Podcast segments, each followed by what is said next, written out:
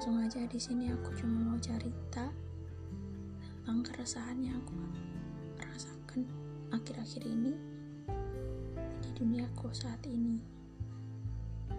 Gimana ketika aku tidak tahu apa-apa dan aku merasa penasaran kemudian aku mencari tahunya. Aku terus mencari tahu sampai aku menemukan sesuatu bahwa ternyata di sini aku adalah seorang korban. Korban dari oknum yang tidak bertanggung jawab itu. Aku masih biasa aja ketika aku mendengarnya. Sampai ketika temanku mengatakan padaku bahwa dia merasa dia terkena suatu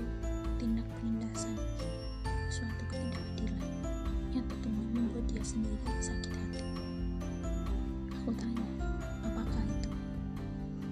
Jawabannya sungguh tak terduga. Ternyata yang dia rasakan adalah hal yang sama aku rasakan selama ini. Aku juga merasa hal tersebut adalah suatu ketidakadilan. Tetapi bagiku aku masih bisa menoleransi dengan adanya alasan lain yang lebih kuat bahwa aku tidak benar-benar tertindas di sini. Berbeda dengan temanku, aku merasa dia benar-benar tertindas. Dia tidak menerima keadilan sedikit pun. Bisa-bisanya heran. Aku cuma heran bisa-bisanya orang-orang seperti itu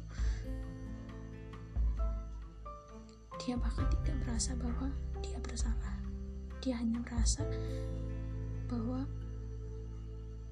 dia adalah yang terbaik. Dia adalah yang terbaik. Mungkin dia berjalan sesuai apa yang dia inginkan.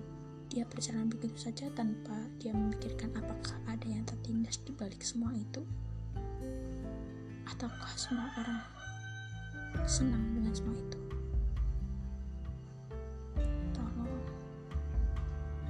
Bisa dengan cara lain kenapa harus dengan cara itu? Aku tak punya hak untuk menyampaikan rasa. Bahkan aku sudah memberikan rasa ke mana-mana tetapi hal itu tidak efektif. Sama sekali tidak efektif. Aku yang gerak akan keadilan yang semakin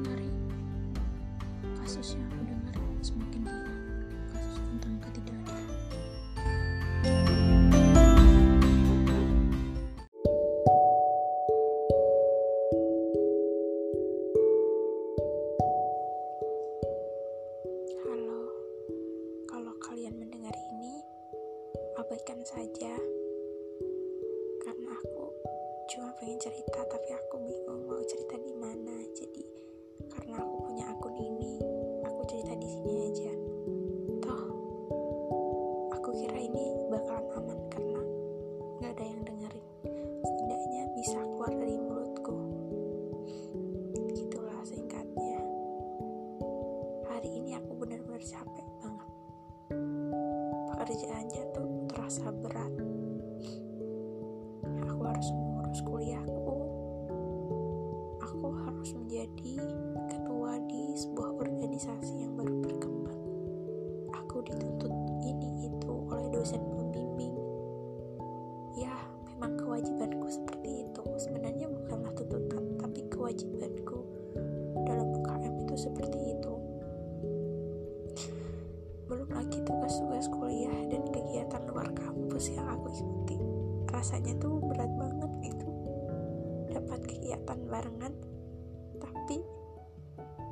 ada orang. Yang ada di sisiku. Aku sebenarnya tipe orang yang setiap punya masalah harus langsung diceritakan ke orang lain. Tidak bisa aku memendam masalah seorang diri. Karena apa? Karena aku seorang diri biasanya sulit menemukan solusi. Biasanya aku selalu cerita ke teman-temanku atau ke keluargaku agar aku mempunyai gambaran untuk menyelesaikan masalahku.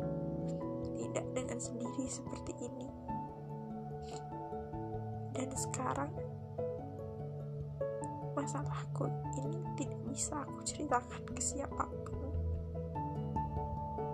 Aku gak mau mendengar jawaban mereka tentang hal ini dan aku tidak siap mendengar jawaban mereka tentang hal ini itu sana banyak banget orang yang memiliki masalah lebih besar dariku. Kadang orang lain bilang gitu. Tapi kekuatan hati seseorang itu kan berbeda-beda ya. Kadang meskipun ini menurut kalian remeh aku gak mau masalahku diremehkan gitu dibilang halah hanya masalah sekecil itu hanya masalah seperti ini. Dia lebih berat mereka lebih berat. Bukan seperti itu yang aku inginkan saat ini. Tetapi bagaimana aku bisa menyelesaikan masalahku itu? Percuma aku membandingkan masalahku dengan orang lain tapi aku tidak tahu solusi dari masalahku. Itu yang aku inginkan semoga aja setelah aku bisa mengeluarkan apa yang ada di pikiranku saat ini. Meskipun tidak dengan orang-orang yang biasa aku ceritain masalahku semoga aja aku cepat dapat solusi. Gitu aja sih rasanya udah lega banget Halo, selamat malam. Bertemu lagi denganku meskipun kita belum pernah bertemu ya kan? Ya, intinya gitulah. Oke, sebenarnya kali ini tuh aku cuma pengen denger apa ya, motivasi dari orang lain gitu.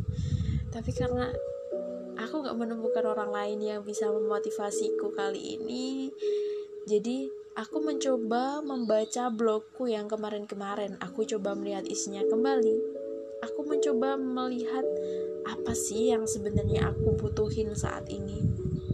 Dan aku ketemu tulisan ini kayaknya bagus deh dan bakal aku bacain. Aku suarakan gitu ya. Di sini judulnya adalah Diri telah membenci. Ini adalah sebuah curhatanku um, pada bulan Februari kemarin.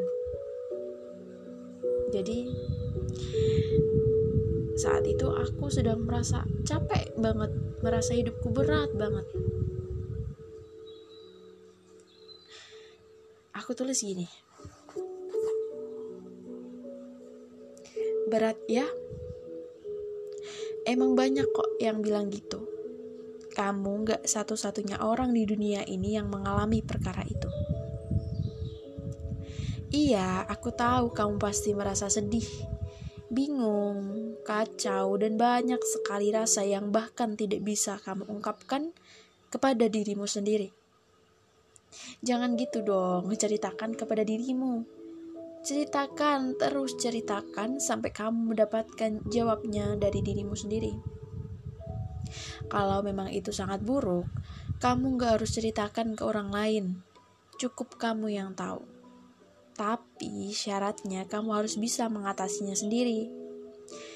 Kamu masih memikirkan beberapa kali, padahal itu belum seberapa. Kamu masih memiliki banyak.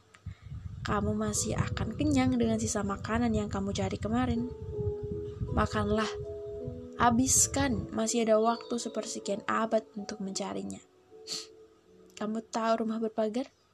Coba bayangin rumah itu adalah kamu dan dirimu sendiri adalah pagar dari rumah itu. Bagaimana jika rumah diserang tanpa pagar? Hancur tentu. Tapi lain halnya dengan rumah berpagar, ketika diserang setidaknya rumah masih utuh dan yang di dalam rumah selamat. Setelah pagar runtuh, tapi penghuni rumah masih selamat. Lain waktu bisa dibangun pagar yang lebih kokoh. Ini sebenarnya sih harus disunting, tapi it's okay sampai saat ini